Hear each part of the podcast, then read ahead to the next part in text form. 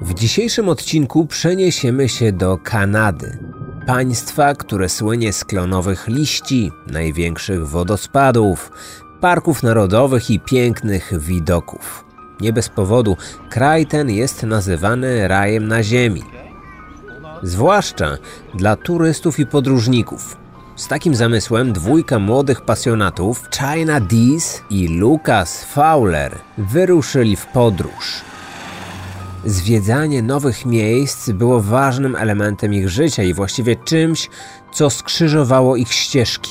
Kanadyjskie parki narodowe były im znane tylko z fotografii.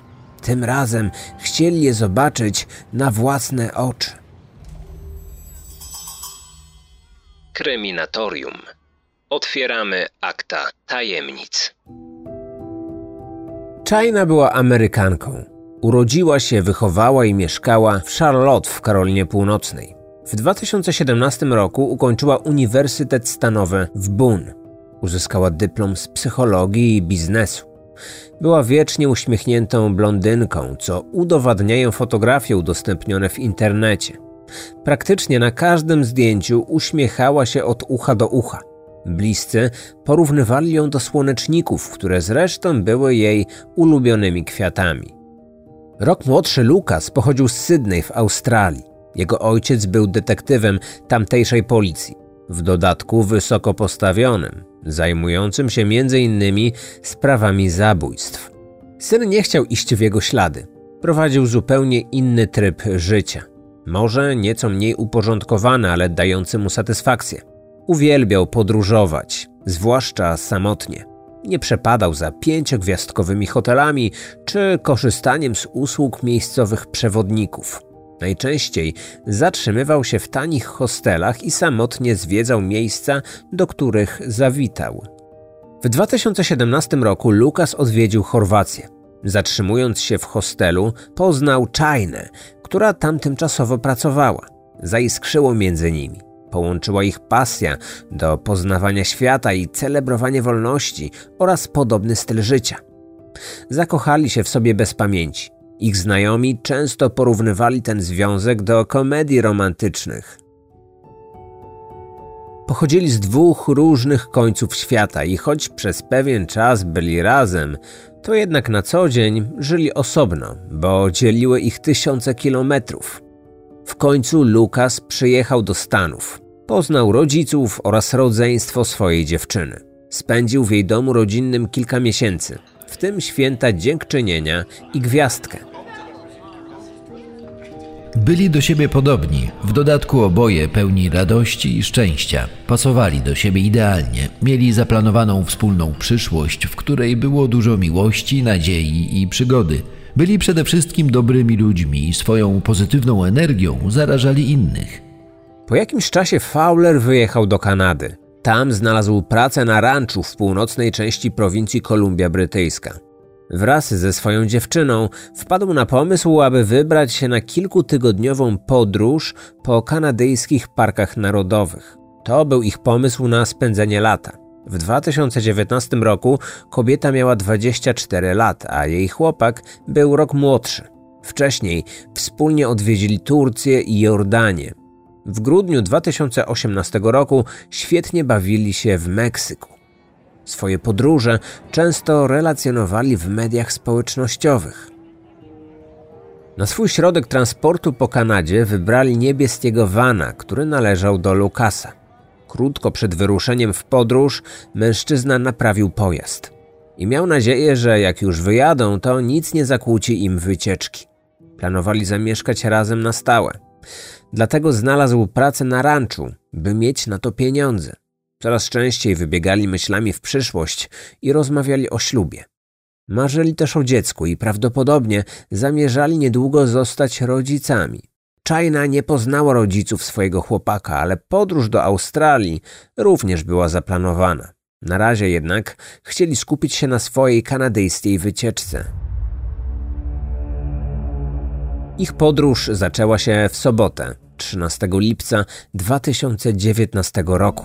Tego dnia w godzinach porannych para została zarejestrowana przez kamerę monitoringu w miejscowości Fort Nelson.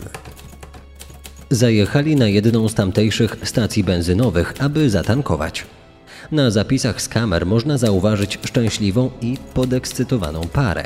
Chłopak obejmuje swoją dziewczynę. Widać, jak czule coś szepczą sobie do ucha i całują się. Chwilę później ona myje szyby samochodu, a on tankuje pojazd. Gdy skończyli, odjechali. Tamtego dnia China po raz ostatni napisała do matki. Uprzedziła ją, żeby nie martwiła się, jeśli nie będzie mogła się z nią skontaktować, bo prawdopodobnie zarówno ona, jak i Lukas będą mieć problemy z zasięgiem. Jej matka nie była tym faktem szczególnie zaskoczona. Wyjazdy córki nie były dla niej czymś nowym. Dziewczyna odwiedziła około 13 państw. Większość z nich zwiedzała samotnie. Przez jakiś czas pomieszkiwała na farmie w portugalskiej wiosce, gdzie nie miało zasięgu, więc kobiety nie mogły do siebie dzwonić. W porównaniu z tą przygodą, wycieczka do Kanady wydawała się czymś spokojniejszym. W końcu uważa się, że to jeden z najbezpieczniejszych krajów do życia i podróżowania. Tak przynajmniej wynika z różnych rankingów dostępnych w internecie.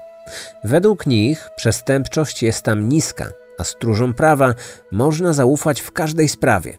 Poza tym, China nie była sama, ale w towarzystwie mężczyzny, którego kochała i którego jej matka zaakceptowała, traktując go jak własnego syna. W ostatniej wiadomości matka życzyła córce bezpiecznej i udanej podróży. Kazała też pozdrowić Lukasa. 24-latka odpisała jej, że ją kocha. Życzyła miłego weekendu. Były to ostatnie słowa córki do matki. Nie wiadomo nic więcej o dalszym przebiegu soboty. Natomiast w niedzielę zakochana para została zauważona przez pewne małżeństwo podróżujące jedną z najdłuższych autostrad w Kanadzie Alaska Highway 97. Dochodziła godzina 15.30. Uwagę kierowcy i jego żony zwrócił niebieski van stojący na poboczu. Obok niego dwójka młodych ludzi rozłożyła krzesła. Siedziała na nich, urządzając sobie mini piknik. Podjechaliśmy do nich, zaoferowaliśmy pomoc. Uznaliśmy, że jej potrzebują, skoro zaparkowali na uboczu. Okazało się, że silnik ich furgonetki został zalany, ale chłopak twierdził, że sami sobie poradzą. Mimo to podziękowali nam za okazaną im troskę. Widać było, że są szczęśliwi i ten incydent jakoś szczególnie ich nie zdenerwował. Wyglądali na bardzo zakochanych w sobie. Zadowoleni z życia, nie zważający na przeciwności losu zapatrzeni w siebie nawzajem. Tak właśnie zostali zapamiętani przez przejeżdżające obok nich małżeństwo. I był to ostatni raz, kiedy ktoś ich takich widział. W poniedziałkowy poranek robotnik drogowy natknął się na stojący na poboczu autostrady duży niebieski samochód. Już z daleka zauważył, że coś z nim było nie tak. Gdy podszedł bliżej, dokonał przerażającego odkrycia – Tylne drzwi furgonetki były otwarte, a szyby wybite. Niedaleko samochodu leżały dwa martwe ciała kobiety i mężczyzny. Widoczne były rany postrzałowe, a zwłoki leżały w odległości kilku metrów od siebie. Oboje byli młodzi. On nie miał butów na stopach, ona miała tylko jeden. Sprawą zajęła się kanadyjska królewska policja konna, działająca na szczeblu federalnym. Najpierw ustalono tożsamość ofiar. Nie było to trudne, zważając na to, że w wanie odnaleziono ich dokumenty. Szybko też trafiono na pewien trop. Inny pracownik drogowy widział tę dwójkę, jak kłóciła się z jakimś mężczyzną. Do zdarzenia doszło w niedzielę, czyli dzień po tym, jak wyruszyli w drogę i dzień przed odnalezieniem ciał. Zdaniem naocznego świadka, człowiek, z którym się sprzeczali, stał na środku autostrady. Oni obok swojej furgonetki. Mężczyzna wyglądał na zdenerwowanego. Był biały, mocno opalony. Miał ciemne włosy i nosił brodę. Był wysoki, mierzył około 190 cm. Tajemniczy mężczyzna podróżował jeepem. Śledczy zaczęli podejrzewać, że mógł on być poszukiwanym sprawcą podwójnego zabójstwa. Z uwagi na to, że miejscem zbrodni była tak naprawdę autostrada, Uważano, że para padła ofiarą seryjnego zabójcy, że po prostu znaleźli się w nieodpowiednim miejscu o nieodpowiednim czasie. Kilka dni później, prawie 500 kilometrów od autostrady, na której znaleziono zwłoki, policjanci natrafili na spalonego pick-upa. Nieopodal wraku leżało ciało mężczyzny. Nie miał przy sobie żadnych dokumentów, które mogłyby pomóc w identyfikacji. Jego rysopis opublikowano w mediach. Próbujemy ustalić tożsamość zmarłego mężczyzny. Miał od 50 do 60 lat, siwe włosy i brodę. Był dobrze zbudowany. Jeżeli ktokolwiek z Państwa bliskich, ojciec lub mąż, sąsiad, może kolega z pracy pasuje do tego opisu i mógł 19 lipca przebywać w tej części kraju, prosimy niezwłocznie skontaktować się z policją. Zgłosiła się pewna kobieta. Podejrzewała, że to może być jej mąż i miała rację. Zmarłym okazał się 64-letni Leonard Dyke, zwany przez bliskich Lenem. Był on biologiem i botanikiem. Mieszkał w Vancouver. Wykładał na Uniwersytecie Kolumbii Brytyjskiej. Miał dwójkę dorosłych dzieci. Profesor biologii często wybierał się na samotne eskapady związane z jego zawodowymi zainteresowaniami.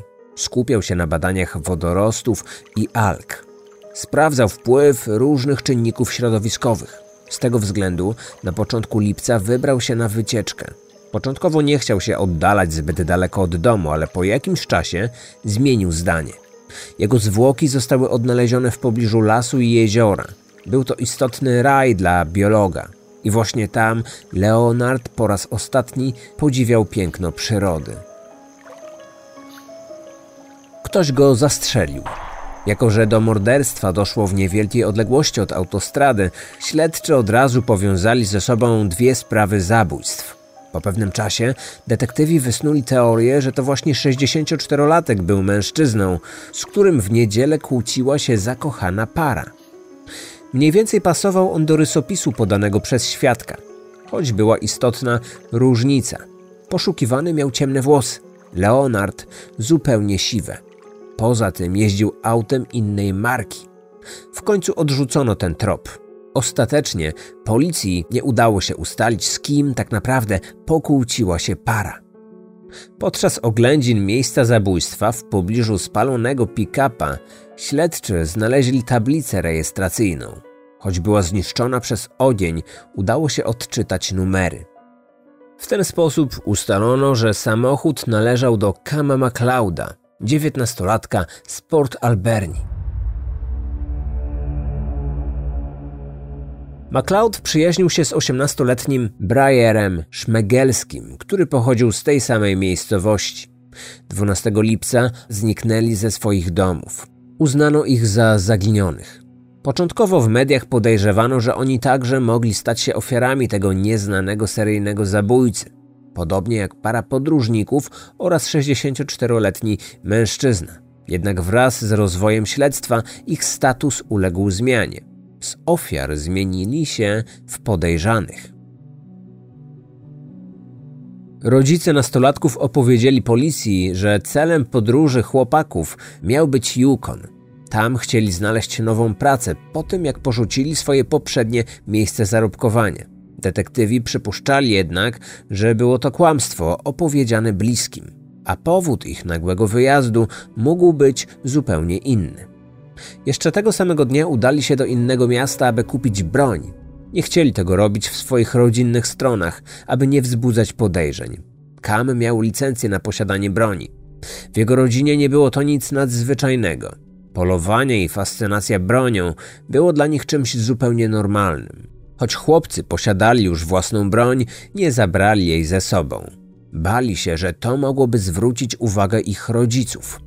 Zamiast tego postanowili, że kupią sobie nową, tym razem z amunicją. Tak też zrobili. 15 lipca kamery monitoringu w miejscowości Whitehorse, niedaleko Yukonu, zarejestrowały pick-upa, którym Cam i Breyer podróżowali. Trzy dni później nastolatkowie wymienili ostatnie wiadomości ze swoimi rodzicami. Napisali, gdzie aktualnie przebywają. Dodali przy tym, żeby się o nich nie martwić. Tego samego dnia doszło do pewnego incydentu, o którym policja dowiedziała się kilka dni później. Ken Albertson jechał do swojego domu na Alasce. Była późna pora. Mężczyzna miał już za sobą długą podróż. Po zatankowaniu na stacji benzynowej w Yukon postanowił, że trochę się zdrzemnie. Już kładł się na tylnym siedzeniu, gdy jego uwagę zwrócił biały samochód. Wyszedł z niego młody człowiek. Trzymał długą broń, chyba karabin. Kiedy zauważył moje auto, zaczął się do mnie skradać. Robił to w dość charakterystyczny sposób. Przybrał postawę taktyczną, jak jakiś myśliwy polujący na zwierzynę. Furgonetce był ktoś jeszcze, bo nagle ruszyła i zaczęła jechać w moją stronę. Niewiele myśląc, wróciłem za kierownicę i postanowiłem wiać. Wyminąłem gościa z bronią oraz samochód. Jak przejeżdżałem obok, spojrzałem w jego stronę. Chciałem zobaczyć twarz kierowcy, ale on się zasłonił, abym nie mógł na niego spojrzeć. Jak się później okazało, byli to MacLeod i Szmedielski. Jeden z nich, prawdopodobnie ten pierwszy, wyszedł z samochodu z karabinem w ręku. Drugi siedział wtedy za kierownicą. Można się tylko domyślać, co by było, gdyby zmęczony mężczyzna zdążył zasnąć na tylnym siedzeniu. Prawdopodobnie już nigdy by się nie obudził. 18 lipca uzbrojeni nastolatkowie zrobili ostatnie zakupy przy użyciu karty bankowej. Zakupili m.in. rękawiczki i słodycze. Tabliczka czekolady, którą wtedy kupili, została odnaleziona w pobliżu miejsca odkrycia zwłok Lena. Kiedy zostali ponownie uchwyceni przez kamery przemysłowe, jeździli już innym samochodem. Toyotą, której właścicielem był zastrzelony 64-latek. To zadecydowało o tym, że zaczęto podejrzewać ich o zabójstwo profesora biologii. Media szybko połączyły tę sprawę ze śmiercią pary młodych podróżników. Kolumbia Brytyjska jest dość dużym obszarem, ale podobne do siebie morderstwa w tak krótkim czasie zwróciły uwagę śledczych. To nie mógł być czysty przypadek. W dodatku bliskość autostrady sugerowała, że ktokolwiek to zrobił, poruszał się samochodem. Pomimo początkowego braku bezpośrednich dowodów, połączono ze sobą wszystkie zbrodnie. Zwłaszcza, że policja mocno wierzyła w teorię o seryjnym sprawcy bądź sprawcach.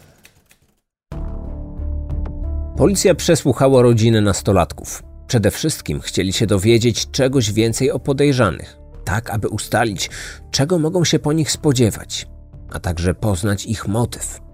Wtedy okazało się, że poszukiwani po raz ostatni kontaktowali się z rodzicami 18 lipca. Później kontakt z nimi się urwał. Nie reagowali ani na wiadomości, ani na telefony. Szmedielski miał dość nieciekawą historię rodzinną. Małżeństwo jego rodziców od początku nie należało do udanych. Ojciec popadł w problemy z prawem. Matka miała dość ciągłych awantur. Kiedy ich syn miał 5 lat, wzięli rozwód. Jednak nawet po rozstaniu matka i chłopiec nie zaznali spokoju. Kobieta wielokrotnie zgłaszała na policję, że jej mąż ją nęka. Trzy lata później mężczyzna został aresztowany. Za co? Tego dokładnie nie wiadomo. Być może za nękanie byłej żony, a może za coś zupełnie innego. W każdym razie nie trafił do więzienia, bo wykonanie kary zawieszono. Później dołożono mu kolejne wyroki oraz zakaz zbliżania się do byłej żony i dziecka. Przez jakiś czas żył jako bezdomny. Kiedy wyszło na jaw, że jego syn może być odpowiedzialny za śmierć trzech osób, mężczyzna postanowił zabrać głos. Jakiś czas później napisał książkę o swoim życiu. Bezskutecznie szukał wydawcy, ale gdy o jego synu zrobiło się głośno, postanowił wykorzystać sytuację. Rozesłał rękopis swojego dzieła dziennikarzom. Twierdził przy tym, że za to, co się stało, winny był wyłącznie niedziałający poprawnie system, który naznaczał takie osoby jak oni. Mężczyzna skarżył się publicznie, że całe społeczeństwo potraktowało zarówno jego samego, jak i jego syna jak wyrzutków. Nie dało im szansy na normalne i szczęśliwe życie. Swoje życiowe niepowodzenia usprawiedliwiał własnym nieszczęśliwym dzieciństwem.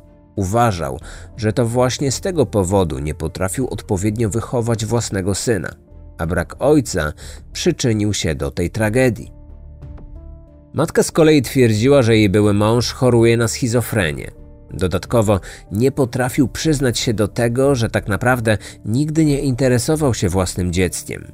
Kobieta jednocześnie nie była w stanie uwierzyć, że jej syn mógł kogoś skrzywdzić. Napisała nawet list do dziennikarzy. Zapewniała w nim, że jej syn jest opiekuńczym i kochanym nastolatkiem, który za nic w świecie nie skrzywdziłby nawet muchy. Stwierdziła, że dorastał w kochającym domu oraz że wszyscy domownicy bardzo za nim tęsknią i nie mogą się doczekać jego powrotu. Jednak ojciec nie wierzył w szczęśliwy powrót. Podczas jednego z udzielonych wywiadów podejrzewał, że jego syn jest w złym stanie psychicznym. W normalnych okolicznościach dziecko nie podróżuje po kraju po to, by zabijać. On musi to traktować jako misję samobójczą. Pewnie chce zakończyć swój ból, który na pewno czuje. Podejrzewam, że mój syn nie przeżyje konfrontacji z policją. Bardzo chciałbym go zobaczyć i przytulić, ale wątpię, abym miał jeszcze szansę to zrobić. Spokojną i troskliwą osobą w oczach własnej rodziny miał być również drugi podejrzany. Cam MacLeod pochodził z bardziej ustabilizowanego domu. Nie borykał się z problemami, z którymi musiał mierzyć się jego młodszy o rok przyjaciel. Poza tym mieszkał w bezpiecznej okolicy. Zawsze mógł liczyć na wsparcie rodziców. Nigdy nie zaznał biedy. Mówiono, że wszyscy członkowie jego rodziny byli w mieście znani i szanowani. Z relacji bliskich, sąsiadów i znajomych wyłonił się pewien obraz dwójki podejrzanych. Przyjaźnili się ze sobą już od czasów szkoły podstawowej. Mieli podobne charaktery. Byli raczej cichymi, introwertycznymi osobami. Nie wyróżniali się w tłumie, nie byli wygadani, nie otaczali się licznymi przyjaciółmi. Przez większość swojego wolnego czasu grali w gry komputerowe, zwłaszcza w te cechujące się dużą brutalnością. Szczególnie zafascynowany nimi był Szmedielski. Świadkowie podkreślali, że to starszy z nich był dużo bardziej otwarty zarówno na inne osoby, jak i na świat. Miał duże poczucie humoru. Do tego wydawał się być miłym i pogodnym chłopakiem. Zwłaszcza, gdy nie było obok niego Brajera. Osiemnastolatek był przez wszystkich przedstawiany jako nastolatek z problemami, który wywierał negatywny wpływ na swojego najlepszego przyjaciela. Wśród swoich rówieśników wzbudzał strach. Niektórym z nich miał nawet grozić śmiercią. MacLeod posiadał pozwolenie na broń i był z nią dość dobrze zaznajomiony. Szmedielski także interesował się tą tematyką. W sieci aktywnie udzielał się na forach i w grupach zrzeszających zwolenników dostępu do broni palnej. W 2015 roku na Facebooku opublikował wpis głoszący, że to nie broń zabija ludzi, tylko robią to kule. Poza tym był on mocno zafascynowany historią III Rzeszy. W jego rzeczach osobistych policjanci znaleźli ukrytą flagę nazistowską. Podczas streamingów z innymi graczami często eksponował swastykę. Wielu jego znajomych twierdziło, że chłopak podzielał przynajmniej niektóre nazistowskie poglądy. 21 lipca podejrzani byli widziani w Saskatchewan. Robili zakupy w sklepie z artykułami budowlanymi. Starszy z nich miał na sobie ubranie w wojskowych barwach. Młodszy ciemny t-shirt i spodnie. Na nagraniu z monitoringu widać, jak obaj chodzą po sklepie. Ewidentnie szukali czegoś konkretnego. Najwidoczniej bezskutecznie, bo wyszli nie dokonując żadnych zakupów. Zbliżenie na ich twarze potwierdziło ich tożsamość. Dzień później przyjaciele zostali zatrzymani przez policjantów prowadzących rutynową kontrolę trzeźwości kierowców. Niestety, policjanci nie zostali wcześniej poinformowani, że sprawdzani przez nich nastolatkowie byli poszukiwani, dlatego puścili ich wolno. 23 lipca w pobliżu miasteczka Gillam odnaleziono porzuconą i spaloną Toyotę. W środku nie natrafiono na żadne ciała. Od tamtego momentu Cam i Breyer byli już oficjalnie poszukiwani jako sprawcy zabójstw drugiego stopnia. Policja coraz śmielej łączyła ze sobą wszystkie trzy morderstwa popełnione w pobliżu autostrady. Aby ich odnaleźć, śledczy postanowili dokładnie przeczesać całe miasto.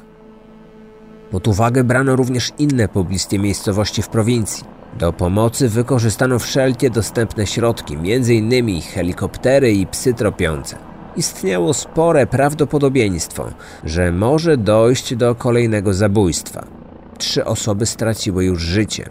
I tylko niezwykłe szczęście zmęczonego kierowcy sprawiło, że ofiar nie było więcej.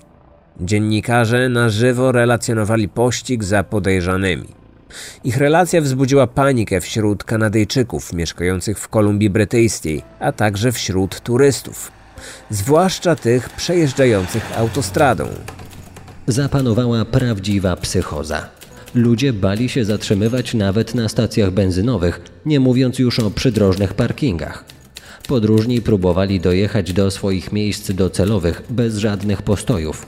Wszędzie plotkowano o seryjnych zabójcach, których ofiarami padają przypadkowe osoby. Po zniszczeniu kolejnego wozu, poszukiwani nastolatkowie musieli znaleźć sobie nowy środek transportu. Policja otrzymała informację, że obaj byli widziani w różnych miejscowościach. Poruszali się białym samochodem. Jak go zdobyli? Nigdzie nie trafiono na ludzkie zwłoki. Nie zgłoszono również zaginięcia auta pasującego do opisu. Policja nie była w stanie tego wyjaśnić. Brak jest również informacji o tym, czy śledczy kiedykolwiek znaleźli ten samochód. Wkrótce pojawiły się także głosy, że tak naprawdę poszukiwani przez cały czas ukrywali się w lesie, a informacje, że ktoś ich widział, były po prostu nieprawdziwe. Kanadyjscy policjanci byli sfrustrowani. Początkowo wierzyli, że schwytają podejrzanych lada dzień. Przeczesywali wszystkie lasy i bagna, które wytypowano jako potencjalne kryjówki. Jednak nigdzie nie było po nich śladu. Śledczy wciąż deptali im po piętach, jednak uciekinierzy wydawali się być zawsze o jeden krok przed nimi.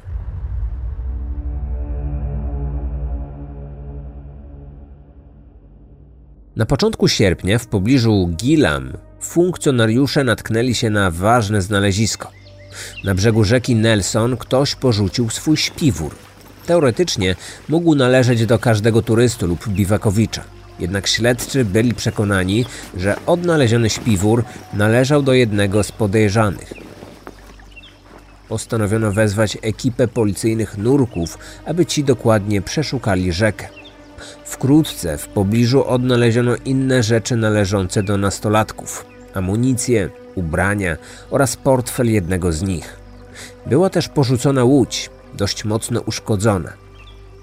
Przedmioty te znajdowały się w odległości około 9 km od spalonego samochodu, na który trafiono tydzień wcześniej.